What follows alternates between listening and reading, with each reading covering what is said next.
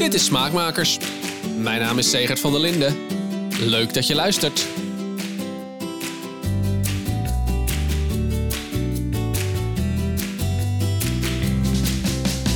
Wat is jouw favoriete brown food? Nou, misschien ken je de term. Het betekent eten dat er niet uitziet, maar wel heel erg lekker is.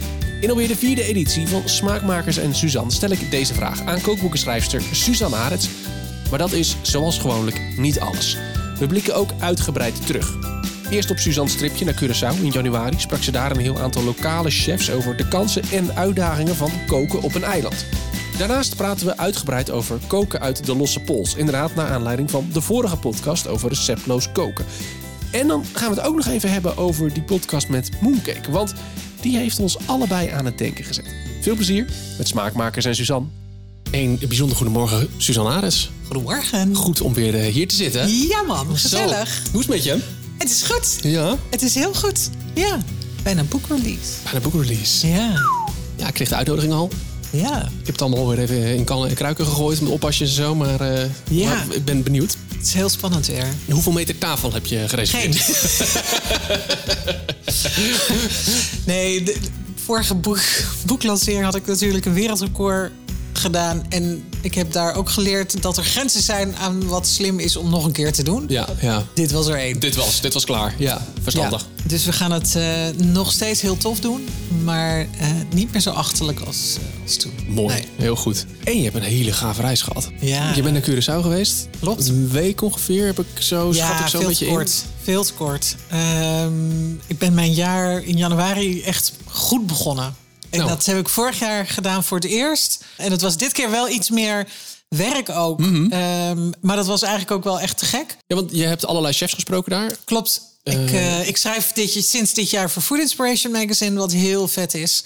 Ehm, en ik dacht, op Curaçao zijn zoveel mooie eh, restaurants. ehm, van lokaal tot high-end. En alles wat ertussen zit. Maar ook heel veel Nederlandse chefs.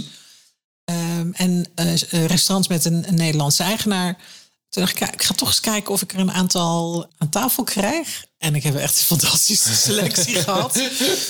Ja. Ja, Het lijkt mij dus best lastig om een restaurant te draaien op een eiland. Is het ook. En Ja. dat is ook wel de, de rode draad in alle verhalen die ik eh, gehoord heb. Ehm horeca in Nederland heeft het natuurlijk al pittig. Ehm, maar als je op een eiland zit waarbij je afhankelijk bent van de aanvoer van spullen... ehm, en dat niet altijd even soepel gaat... dan betekent dat dus heel veel voor je business. Je moet ontzettend flexibel zijn. Je moet goed in kunnen schatten wat je wanneer nodig hebt. En als het er niet is, moet je gaan improviseren. Ja, je moet, je moet wat. Ja. Je kunt niet eventjes... Ik, bedoel, ik, ik zie bij ons in het dorp wel eens inderdaad... dan, komt, dan zit je in een koffietentje en dan komt er nog even snel iemand binnen met een tas van de Albert Heijn. En dan weet Ja. je, oh ja, er was, weer, er was, Ja, ja, er was iets op en dat gebeurt. Maar in Nederland is eigenlijk alles gewoon altijd verkrijgbaar. Ja. En eh, op een eiland dat afhankelijk is van import... en dus weinig lokaal verbouwd. En dat was wel een van de mooie dingen ook die ik hoorde. Ik sprak Jonny en Therese Boer. Die hebben Bras Boer op eh, Curaçao... naast dat ze dat op Bonaire hebben en in Zwolle. Eh, en Jonny is natuurlijk... Nou ja, dat is de, de voorvechter van lokaal al tig, tien jaar Al lang voordat het hip werd, deed hij het al. veel, echt enorm. En ik, ik was ontzettend verrast in eerste instantie. Want ja, je weet dat je op Curaçao gewoon niet alles lokaal kunt krijgen. Nee. Eh, en hij had de, of heeft de ambitie om voor volgend jaar 80% lokaal eh, in te kopen of te verbouwen. Hoe krijgt hij dat voor elkaar? Hij gaat nu met een aantal eh, chefs uit de regio gaan ze het zelf verbouwen. Dus ze hebben Oh, grond eh, en ze hebben een plan en ze gaan dat met lokale boeren eh, opzetten. En ik zei ook tegen hem, ik zeg nou, ik, hè, ik vind, het, vind het heel ambitieus, Mhm. fantastisch. Want nu wordt heel veel toch nog steeds ingevoerd, ingevlogen. Ehm, omdat je ook een bepaalde, nou niet een bepaalde, je wil een mate van consistentie Ja, hebben in, ja. je, in je kaart. En je Ja. wil dat alles wat je serveert de kwaliteit heeft die je voorstaat. Ja. En hij zei van ja, we gaan het gewoon doen. En het is niet meer een kwestie van willen we dat, maar ja, we, we, willen, we willen het gewoon. Punt. Het is mijn eh, overtuiging dat we, we leven op Curaçao op een tropisch eiland met het hele jaar zon. Waarom wordt er niks verbouwd? Ja, ergens zijn, is natuurlijk, het klimaat is fantastisch.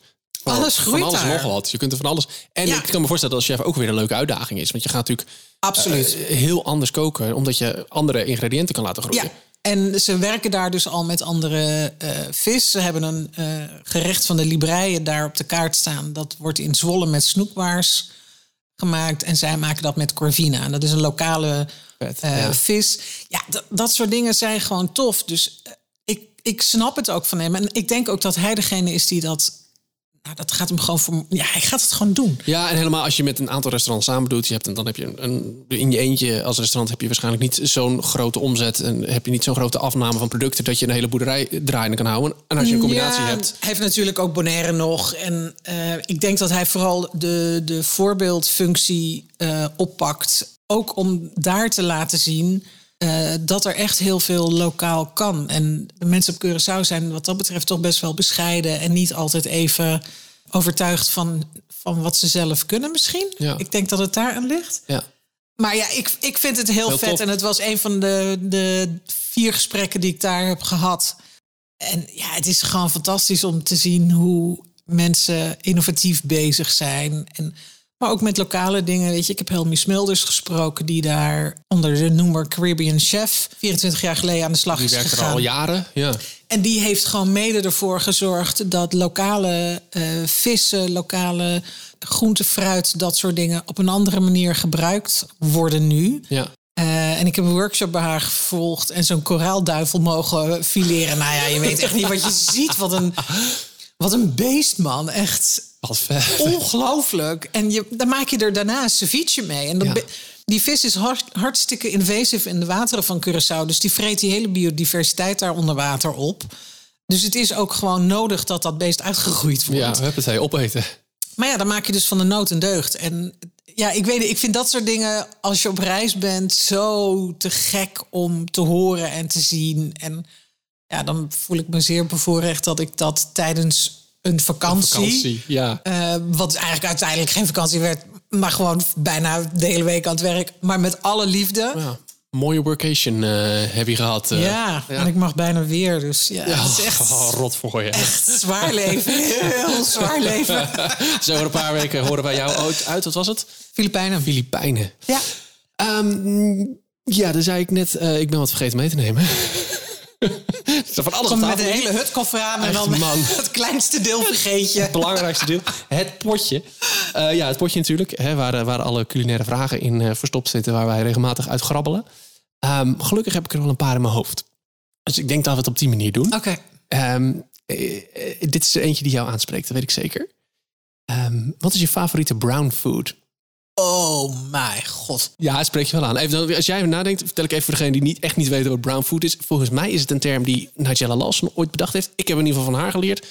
Voor eten dat er, ja, dat er gewoon niet, lekker uitziet. uitziet, maar wel super lekker is. Ja. Niet zo'n fotogeniek Instagram-waardig plaatje, maar gewoon een, een bak met eten die je echt van, van, van boven tot onder in één sessie helemaal leeg lepelen. Ja. Ik ga even voor twee, denk ik. Mag dat? Zuurvlees. Limburg. Classic. Het ziet er niet uit. Het is echt dat we het voor het barbecueboek mooi op de foto hebben gekregen. Het lijkt als fotograaf echt een uitdaging dit Nou ja, ik vind het echt Hoe ook krijg je knap. voor elkaar? Eh, Alexandra heeft daar de styling voor gedaan. En ik denk alleen maar, ja, ik wil het. Ja, dat is heel knap. Het is heel knap, het is gewoon bruin eten. Het ziet er niet uit. En ik heb laatst de koffie gemaakt Mhm. uit het nieuwe boek van Otto Lengi. Ja, eh, samen met Noor. En ik vind chocolademousse er eigenlijk per definitie gewoon heel viezig uitzien. Ja.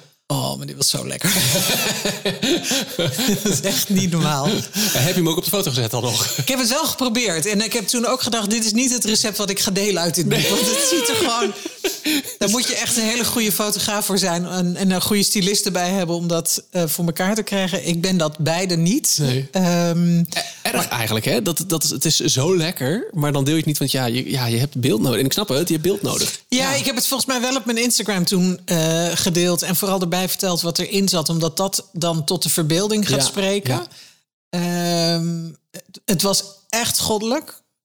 Maar ja, het is gewoon bruine smurrie. en dat is heel jammer. Bruin eten is echt namelijk heel erg lekker. Super lekker, ja. En de jouwe? Nou, ik heb er eigenlijk ook twee. En eentje is een klein beetje aanleiding. Want eentje heb ik al best wel eens vaker over verteld. Dat is namelijk het gembervlees van mijn moeder. En ik had van het weekend was mijn moeder jarig. En ik had eindelijk de tegenwoordigheid van geest om het recept te vragen. Dus ik heb het recept, tenminste. Het is zo'n echt familierecept. Dus er staat in het recept, het was een appje. Uh, evenveel vlees als uien, geraspte gember en nog iets. En dan binden met Maïzena. Nee, nee, nee, aardappel. Uh, Aardappelzetmeel. Ja, maar uh, geen verhoudingen, niks. Gewoon kijk wat je lekker vindt. Dus uh, ik ga hem binnenkort maken. En met welk vlees moet je dat maken? En volgens mij is het met rund. Oké. Het is echt stoven, stoven, stoven. Ja. Lekker lang stoven. Heerlijk. Ja, dus uh, die, uh, ik ga hem binnenkort maken. Ik heb er okay. vaker over gesproken, namelijk hier. Dus ik ga hem binnenkort maken. En dan ga ik ook nou, kijken of ik hem kan uitwerken. op de site. Wat dacht je daarvan? Dat is goed. Dan maken we er een recept dan van. maken we er een recept van. Dan ga ik kijken of ik hem uit kan werken ja. fatsoenlijk. En dan... Uh... De foto moeten we dan misschien even over na gaan denken. Ja, ja daar gaan we over nadenken. En de tweede, die, die, die, dat is ook weer zoiets van vroeger. Ik, ik weet, mijn moeder maakte vroeger ook bruine bonensoep. En ik moest er pas ineens van aan denken. Ja, het, is, het klinkt echt nergens naar. Maar het is echt heel lekker. Ja, het is heel lekker. Maar dat is ook inderdaad bruin en nietszeggend qua nee, kleur. Qua structuur. ja, het is... Ja. ja, maar het is wel... Het is heel lekker. Het is heel lekker. Als je hem goed maakt. Ja, tuurlijk. Maar dat is met alles. Ja. Zelfs die mooie Instagram-waardige bordjes met heel veel kleuren. Oh, ja, als je nee, dat maar... niet maakt, dan slecht maakt, smaakt het ook nergens naar. Klopt. Um, en dat is met bruin voet ook zo. Ja, maar dat was ook echt dat ik denk, oh ja, die, die zat ineens weer in mijn hoofd. Ik denk, oh, dat vind ik ook eens een keer. Bruine bonensoep. Ah, dus ja, dat. Ik denk bruine bonensoep. En uh, ja, of, of gewoon een goede daal. Die is natuurlijk ook vaak beetje bruin. En... Ja, maar die kun je wel een beetje opleuken met een scheut yoghurt of... Uh, ja, daar kun je voor de foto wel mee Koriander of dat ja. soort dingen. En dat is voor de smaak natuurlijk ook lekker. Maar dat maakt hem net iets minder bruin. Bruin. nou, zijn toch leuke vraag, toch? Ja, brown food. Brown food. Ik had er pas nog eentje op een lijst op, opgeschreven. Ik, ik, schrijf ze soms op. Als jij er zelf trouwens eentje bedenkt, die zit thuis te luisteren en denkt, oh, dit zou ik eens willen vragen. Bedoel, stuur ze maar door hoor. Uh, de, alle reactiemogelijkheden staan in de opschrijving. Kom maar door. Um, ik bedacht me net, wie heeft jou leren koken? Jamie Oliver. ja, ja mij ook hoor. Ja. Het is grappig. Ik was namelijk net een interview aan het voorbereiden voor uh, een van de publicaties van het nieuwe boek. En daarin werd dat ook gevraagd van wie, wat heeft, wie of wat heeft jou uh, leren koken of het koken aangewakkerd. Uh, en ik heb wel eens volgens mij eerder verteld dat ik natuurlijk opgegroeid ben in de jaren 70, 80. Ja, met ja. de bekende oranje pakjes honig. Ja. Ook deels gewoon omdat er geen tijd was door de week. En er was destijds gewoon nog minder aandacht voor.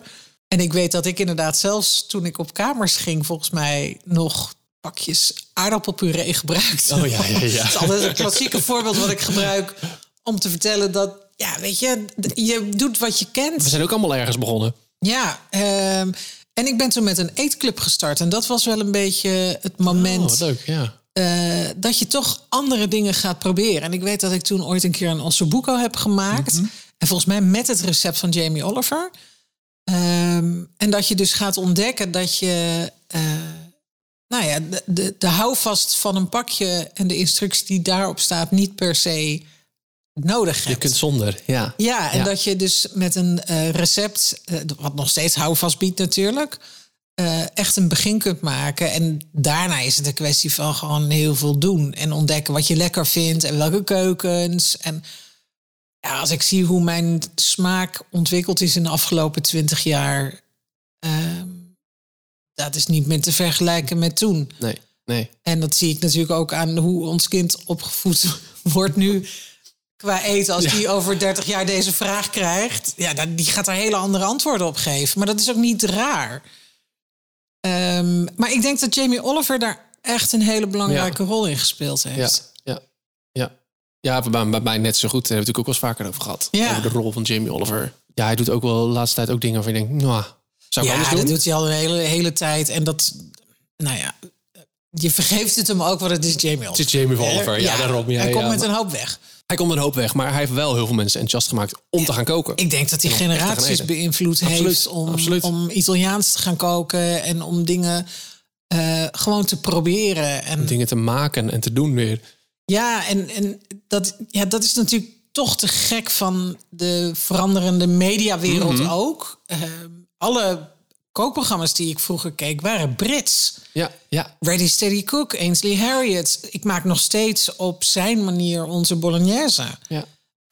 Um, Nigella, uh, Jamie, uh, Nigel Slater, mijn grote held. eh, alle kookboeken die ik in eerste instantie had, waren allemaal Brits, gek genoeg. Ja, grappig hè? Ja, Terwijl er altijd gezegd wordt over de Britse eetcultuur, nou, dat is niks. Terwijl. Nee, maar er komt er heel veel uit. Want ik eh, heb, dus- nou, hè, dan komt die verjaardag van mijn moeder weer om de hoek. Ik heb daar dus een, een boek gekregen van ehm Regula Isewijn.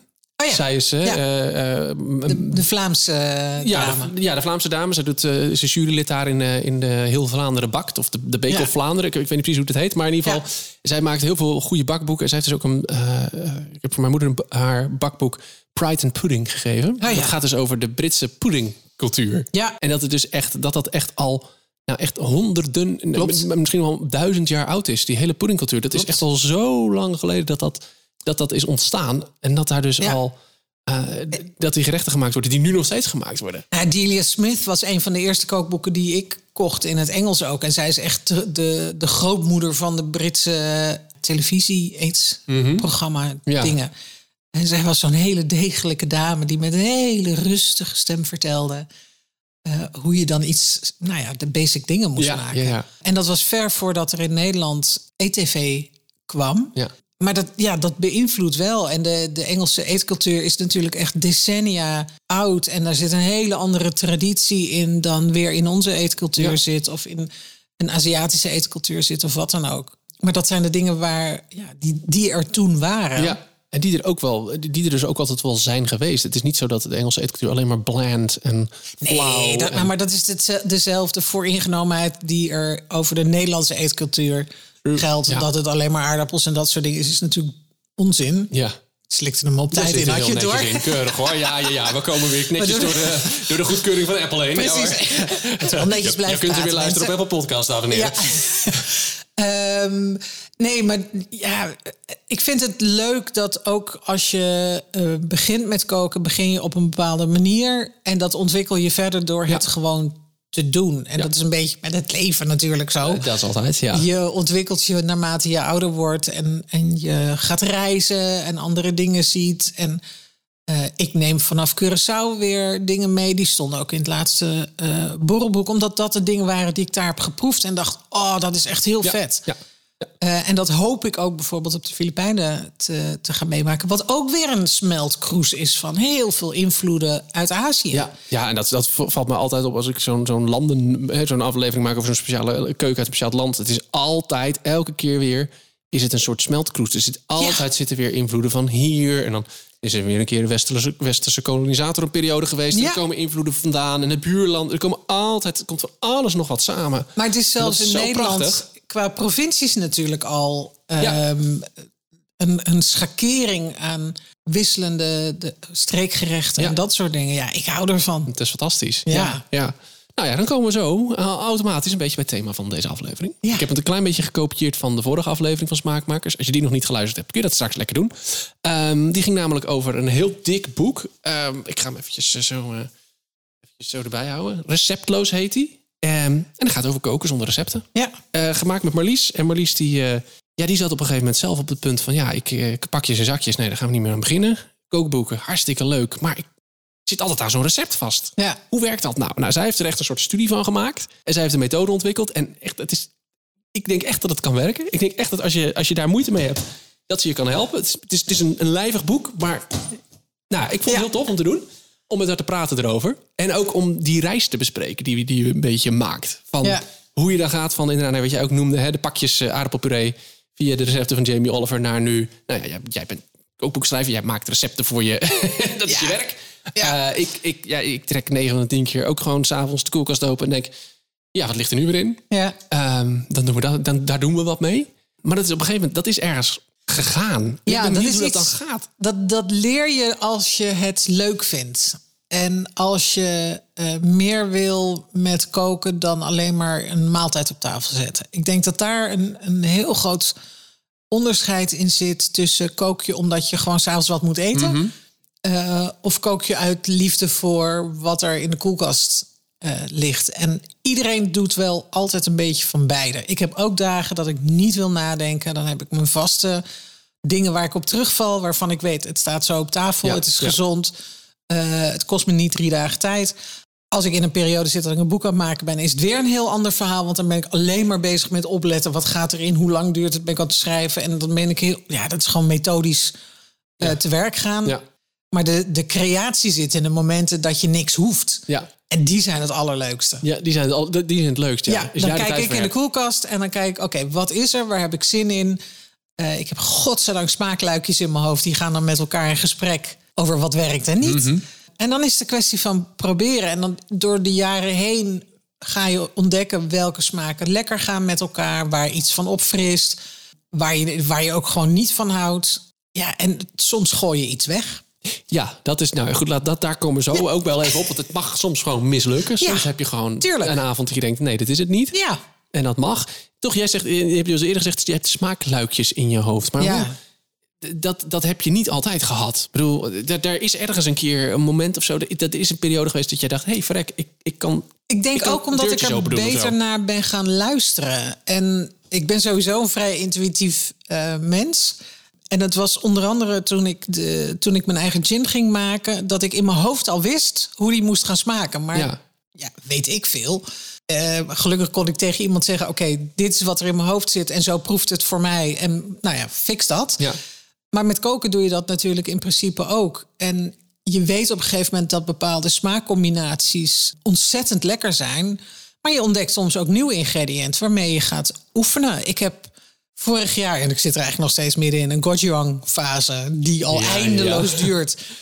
Want ik vind in gochujang, ja, er zit zoveel smaak in. En gochujang is een Koreaanse chilipasta, maar dan zonder dat je meteen zeg maar de vlam uit je oren ja. hebt. ongelijk je bek verbrand. Ja, het is een gefermenteerde pasta, dus er zit, het is een langdurig proces. Er zit heel veel smaak en er zit heel veel umami in, maar ook dat kleine beetje pit. En er zit een zoetje in. En ja, dat, dat spul is voor alles te gebruiken. Dus de, de potten eh, zijn niet aan te slepen. Gochujang producenten, wil je nog eens een eh, sponsoractie? nou, dat kan graag. Kom maar. Ik, ik maak er met liefde eh, echt. Ik heb er nu ook weer een, een aantal dingen meegemaakt. Het wordt, alles wordt er gewoon lekkerder van. Maar dat, is, dat was een, een ingrediënt wat ik niet kende. En ik heb dat zien staan. En dan ga je, dan ga je eerst eens een keer een recept maken van iemand anders. eh, die dat gebruikt heeft. Zodat je kunt ervaren wat het qua smaak doet. Ja, ja. Dan ga je zelf eens wat proberen. En dan ga je ontdekken wat lekkere tegenhangers zijn voor deze. Ja, het is een hele geconcentreerde smaak. Ja, ja. Dus hij heeft balans nodig. En dan ga je gewoon. Ja, dan is het gewoon een kwestie van doen. En ik denk door veel te koken, door veel ervaring op te doen met verschillende smaken, door goed te kunnen proeven. Ik denk dat proeven een van de meest onderschatte kwaliteiten is binnen koken. Dat is een must. Ik heb ook wel eens iemand gehoord die zei... ik proef eigenlijk nooit tijdens het koken. Ik denk, dat, kan, dat kan ik gewoon niet. Nee, Dat- maar dat- dus ook proeven in, in restaurants, in, in nieuwe ingrediënten. En dan niet het naar binnen stoppen en doorslikken en denken, nou, dat was lekker. Maar wat doet het met je smaakpapillen? Waar, voel, waar proef je het? Je, je proeft je smaak op allerlei andere plekken in je mond. En dus het is eigenlijk heel sensorisch wat je doet met eten. Maar omdat we met z'n allen gewend zijn om snel en makkelijk en het mag allemaal niet veel tijd kost, kosten eh, 15 minuten, 30 minuten. Ehm, Ja. zijn we dus ook niet meer gewend geraakt om die smaken gewoon echt goed te proeven. En ik denk door goed te proeven ontdek je ook wat er op een gegeven moment samengaat. Ja, En daar kun je dan op voortborduren. Dus je maakt laagjes van je, de smaken die Ja. je lekker vindt. En je gaat kijken waar kun je die combineren. En zo weet je dus dat als je iets eet wat zacht is... dat het onwijs lekker is om daar een crunch tegenover te hebben. Dat zijn van die contrasten die je... Ja, die ga je op een gegeven moment leren en die ga je dan opzoeken. En dan ga je een beetje experimenteren. Het is natuurlijk ook ergens durven. Ehm, durven, Ja. wat, hè, wat je al zegt, het mag soms, mis- het mislukt soms. Ja. Het mislukt gewoon af en toe. Is Ja. of, of, of het is gewoon matig. Het was voor mij was het ook, en dat, dat is altijd in die, de podcast ook over. Voor mij was het voor mij ook een keer een knop omzetten van. ehm, het hoeft niet altijd restaurantwaardig of fantastisch. Maar er zijn of- toch ook geen het chefs met gewoon- elkaar? Ja, nee, maar die, dat snap ik. Maar die knop moest bij mij op een gegeven moment wel om. Ik dacht, ik kook hier voor een publiek. En het publiek is mijn vrouw en mijn kinderen. Eh, en dat publiek is niet eh, drie juryleden in Masterchef. Nou ja. Weet je, dat, dat was voor mij was dat wel een knop. Omdat ik, oh ja, het hoeft niet altijd fantastisch, hoog op smaak, geweldig, la- gelaagd. Nee, Nee. soms moet het gewoon eten zijn. Punt. En het is lekker en het is Klopt. voedzaam en het staat op tafel Ja. op het moment dat het nodig is. Nou ja, dat is ook altijd waarom ik me nooit schaam voor de, de door de weekse maaltijden. Als wij gewoon terugvallen op ons standaard eh, repertoire. Om dat ook te melden. Omdat ik denk, ja, A, ik ben geen chef. B, ik weet dat als ik net een boek heb gemaakt, dat ik daarna uitgeput ben en eh, creatief gezien uitgeput Ja, ben, hè, ja. los van fysiek. Ehm, maar dat ik dan gewoon wil terugvallen op waarvan ik weet dat het eh, goed en lekker is. Ja, ja. Als ik chef had willen worden, had ik echt wel een ander vakgebied uitgezocht. En ook chefs eten thuis niet op de manier zoals ze in restaurants koken. Klopt. hè? Even, even terug naar die Masterchef. Ik heb wel eens een, eh, een interview gelezen met zo'n oud kandidaat van Masterchef Australia. Ja. En die maken dan natuurlijk in die keuken maken ze allemaal van die restaurantswaardige chefs niks. En zei ja, en in dat huis, want zij wonen dan dus ook allemaal die hele periode in hetzelfde huis. De eerste twee weken was iedereen heel erg aan het uitsloven in dat huis. Van oh, kijk eens wat ik kan en met eten, en met dit en met dat. En daarna werd het gewoon comfort food, pasta's, stoofschotels, aardappels, groentevlees. Ja. Gewoon Maar ik denk- makkelijk en comfortabel. Ik denk ook dat het, dat het een prima balans is als je, nou ja, als je daar een, mooie mix van maakt. En nogmaals, ik, ik zeg het wel vaker, wij zitten natuurlijk ook in een, in een bubbel die draait om eten. Zeker, absoluut. Ehm, en ik denk dat 70, 75 procent van de mensen door de week denken, joh, superleuk jullie. Maar laat me met rust. Groot gelijk. Moet ze ook zeker doen. Ja, zijn en- ook een beetje rare mensen hoor, in die bubbel. Nee, wij zijn gek. hele rare mensen.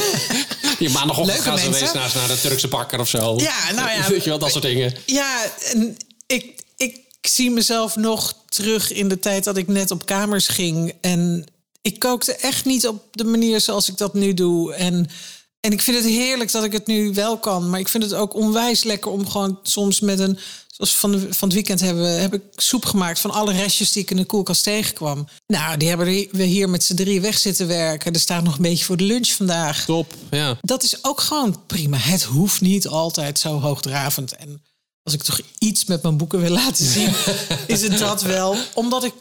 Dat is mijn eigen levensfilosofie. Weet je, eh, doe nou maar normaal. ja. ja. Het hoeft niet altijd eh, drie gangen en zo zijn. Ja. Nee, maar ik, ik geloof er wel in dat als je houdt van eten en als je er de tijd voor uittrekt, dat je heel veel kunt leren over smaken en over hoe je kunt combineren. Ja. En daar wordt het eten wel echt absoluut lekkerder van. Ik weet nog waar dat bij mij op een gegeven moment klikte. Ik wilde heel lang eh, goed Indiaas kunnen koken. Alleen, ik, ik had eigenlijk amper ervaring mee. Dus ik, ik, Ja. ik, en ik ging dan inderdaad dus een soort curry maken op vrijdagavond. En zei van, ja, ja, het is, ja, het, het is eigenlijk, ja... Ik weet niet, het is eigenlijk niet.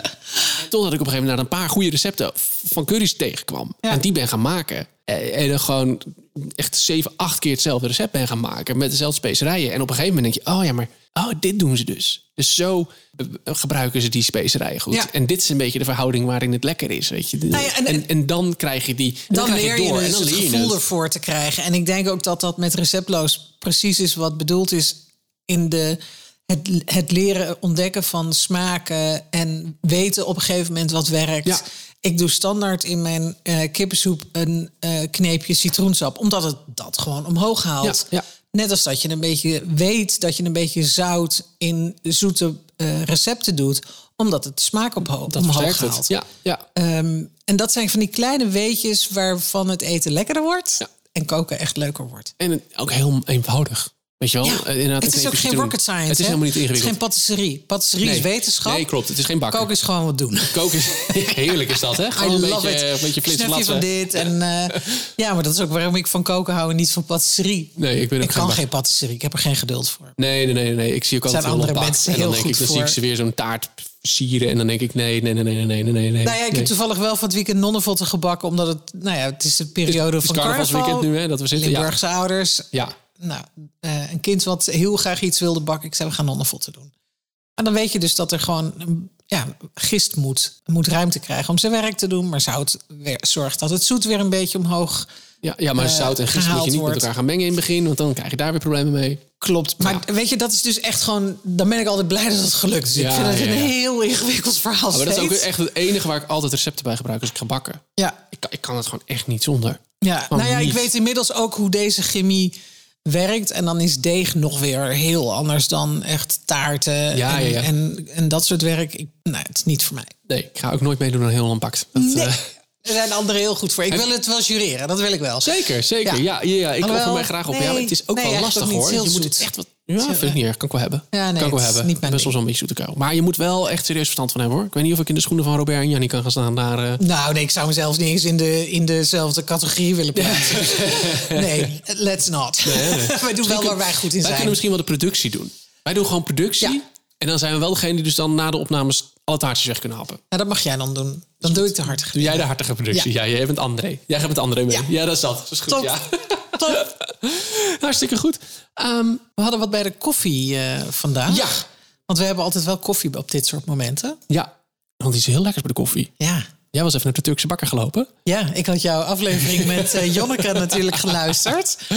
Ehm, en I love Jonneke. Ja. Jij zei toen al in de intro van eh, Jonneke kan er altijd voor zorgen dat het een beetje schuurt. Beetje ongemakkelijk wordt het soms. Ja. Maar dat is altijd wel heel goed ongemakkelijk. Klopt. En ik, ik, ik luisterde er naar op weg naar de bakker. Ja, ja, ja. En ik wilde eigenlijk de Friese dumpkes halen bij onze Friese bakker. Mhm. Toen dacht ik, oh wacht even, om de hoek zit een Marokkaanse bakker. Ik loop even door. En toen heb ik eigenlijk meteen ook nog labne gehaald en granaatappel en allerlei andere lekkere dingen.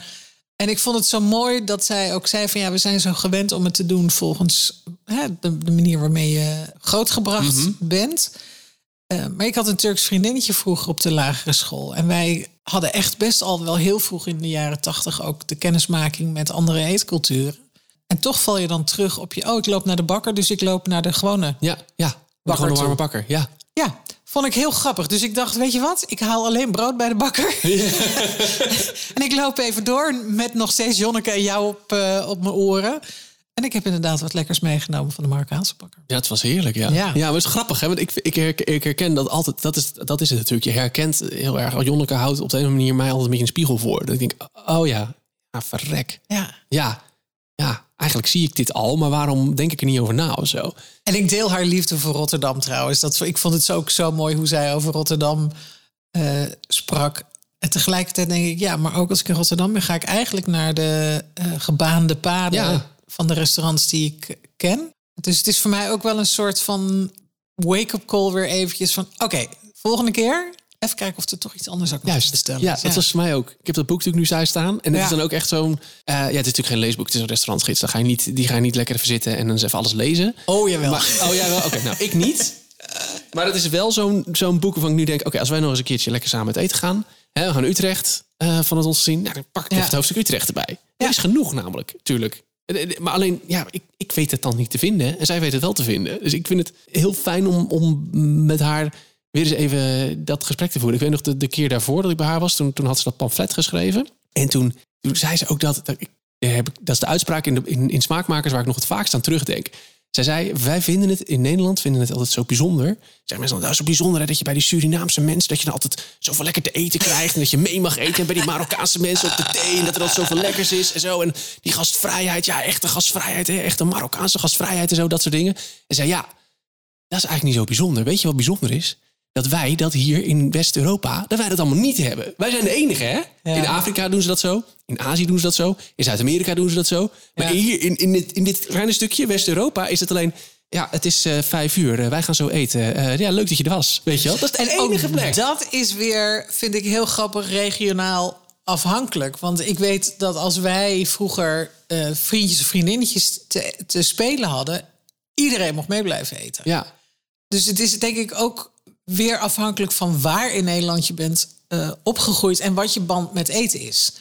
En met gasvrijheid denk ik in zijn algemeenheid. Want Ja. eh, daar voelde ik me dan weer niet door aangesproken. Omdat bij ons.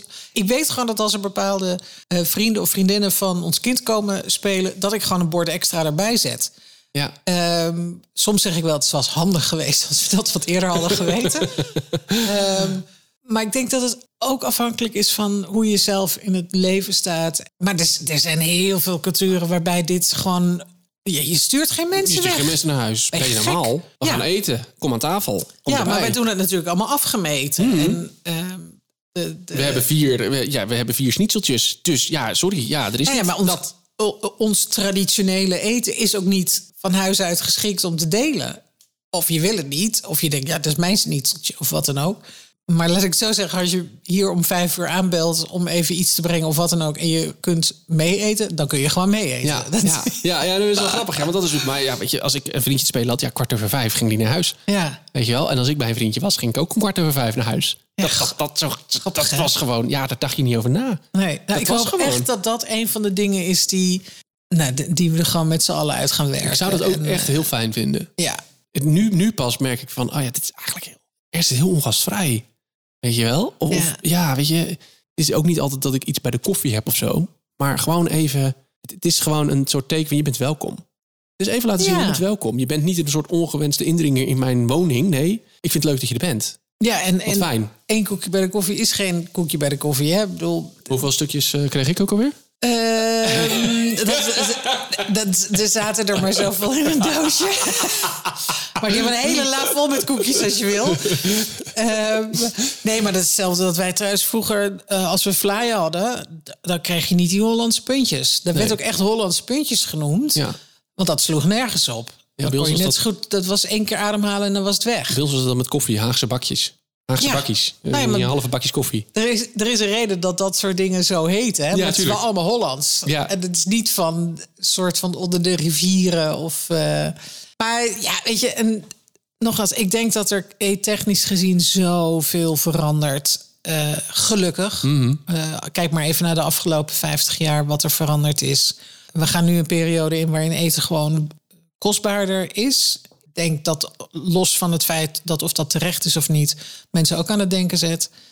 Maar eten blijft verbinden. En dat Ja. is toch wel het allermooiste wat eten brengt. Ja, en ik hoop vooral, en dat was ook weer wat, wat ik weer dacht toen ik naar huis schreef van dat interview met, met Jonneke, met Mooncake. Ik hoop gewoon dat we allemaal een beetje buiten onze eigen rokjes gaan kijken. Want het is zo leuk. Het, is, zo fijn. fantastisch. En ik weet nog hoe blij ik was dat toen wij voor het eerst bij een, eh, eh, een Indiaas-Nepalees eethuis in, in Zeist.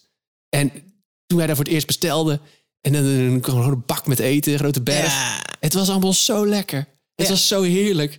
En er zaten allemaal dingen bij waarvan ik dacht, ik ken dit nog niet. Nee, Maar ik vind het zo leuk. En ik hoop echt dat, dat als, als, als je iets meeneemt, ook uit die aflevering, dat het niet is van een soort vingertje van eh, we doen het allemaal verkeerd. Nee, dat je, dat je juist geïnspireerd wordt en aange- aangespoord wordt om eens verder te gaan kijken. Maar dat vind ik het allermooiste van wat, van wat Jonneke met, met haar hele mooncake in beweging brengt. Is dat het nergens gaat over eh, vingertjes. Het gaat juist om het laten zien van kansen. En ik heb, ik heb ooit een foodtour met haar meegelopen. Nou, en ik wil het gewoon binnenkort nog een keer gaan doen. Want je komt op plekken waar je. Kijk, onbekend maakt onbemind, laten we wel wezen. En als je eh, niet heel avontuurlijk ingesteld bent, is het heel spannend om in Amsterdam of waar dan ook een straat binnen te lopen waar je weet dat er allemaal restaurantjes, eethuisjes, barretjes en dat soort dingen zit met eten dat je niet kent. Ja. Ehm, dus ik vind het fantastisch als je via haar boeken meegenomen wordt die wereld in, omdat je er zoveel meer door leert kennen. En ik heb onder andere eh, bij de Couscousbar in de Javastraat in eh, Amsterdam geleerd dat dat de echte couscous is. En wat wij ermee doen. Nadia zei ooit tegen mij: ja, jullie, jullie couscous is zinloos geweld. Ja, ja. couscous hoor je niet te wellen. Couscous hoor je niet te wellen, maar te stomen. Een heel aantal keer. En sinds die tijd is dat de enige manier nog waarop ik het maak. Omdat Ja. je dan pas ontdekt wat de oorsprong van eten is en hoe het, hoe het kan. En ja, dat het is een verrijking Ja. van je leven waar je eeuwig dankbaar voor bent. Dus ik vind iedereen die daarvoor op de bres eh, stapt, dan denk ik, let's go. Let's go. Buiten je grenzen kijken. Ja. Ja. En doe maar eens gewoon een keertje iets waar je, waar je niet van weet of het uitpakt zoals je denkt. En dat, dat lukt negen keer en een tiende keer misschien niet. En dan vind je het misschien niet lekker. Nou, weet je dat dat niet je keuken Dat is het ergste wat kan gebeuren. Hè? De worst Ja. that can happen is dat het niet lekker is. Nou ja, vooruit, weet je wel. En de- grootste kans is dat je de werelden ontdekt die je niet, eh, die je niet kende. Smaken ontdekt waar je blij van wordt. En dat is zo mooi nu, dat die smaken op zoveel meer plekken te vinden zijn dan, dan voorheen. Het is niet, en het is echt niet allemaal Amsterdam en Rotterdam. Het is, het is, er zitten echt, eh, elke dat boek van Jonneke, er zitten allerlei, eh, alle hoeken en gaten van het Dus ik, land. ik ben opgegroeid in Twente met een van de grootste Turkse gemeenschappen aller tijden. En de, ook in de periode dat ik daar woonde, waren er heel veel Turkse winkeltjes en slagers en restaurantjes. En ja, geweldig. Ja, heerlijk. Leuk hè? Lekker man. Heel goed. Lekker man. We gaan lekker eten. We gaan eten. Dankjewel. En tot eh, de pleasure. volgende weer. Tot de volgende. Je luistert naar Smaakmakers. Mijn naam is Segert van der Linden en je hoorde mijn gesprek met kookboekenschrijfster Suzanne Arets. Ik ga even geen uitspraken doen over wanneer Smaakmakers er weer is. Het zal binnen een week of drie zijn, maar het is hier thuis de afgelopen weken een klein ziekenhuis geweest. En dat is nog steeds niet helemaal voorbij. Afspraken maken voor interviews, die zijn dan even lastig. Een paar moest ik ook afzeggen. Er komen nieuwe afleveringen. Wanneer? Nou, dat hoor je vanzelf. Als je mij even volgt op Instagram via @segertvdlinde Of natuurlijk als je je abonneert op Smaakmakers in je podcast-app. Geniet in de tussentijd van de 74 afleveringen die inmiddels online staan. Of check petjeaf.com slash smaakmakerspodcast. Want daar kun je voor een kleine donatie een reeks leuke bonusafleveringen van Smaakmakers luisteren. Voor nu, bedankt voor het luisteren en tot de volgende.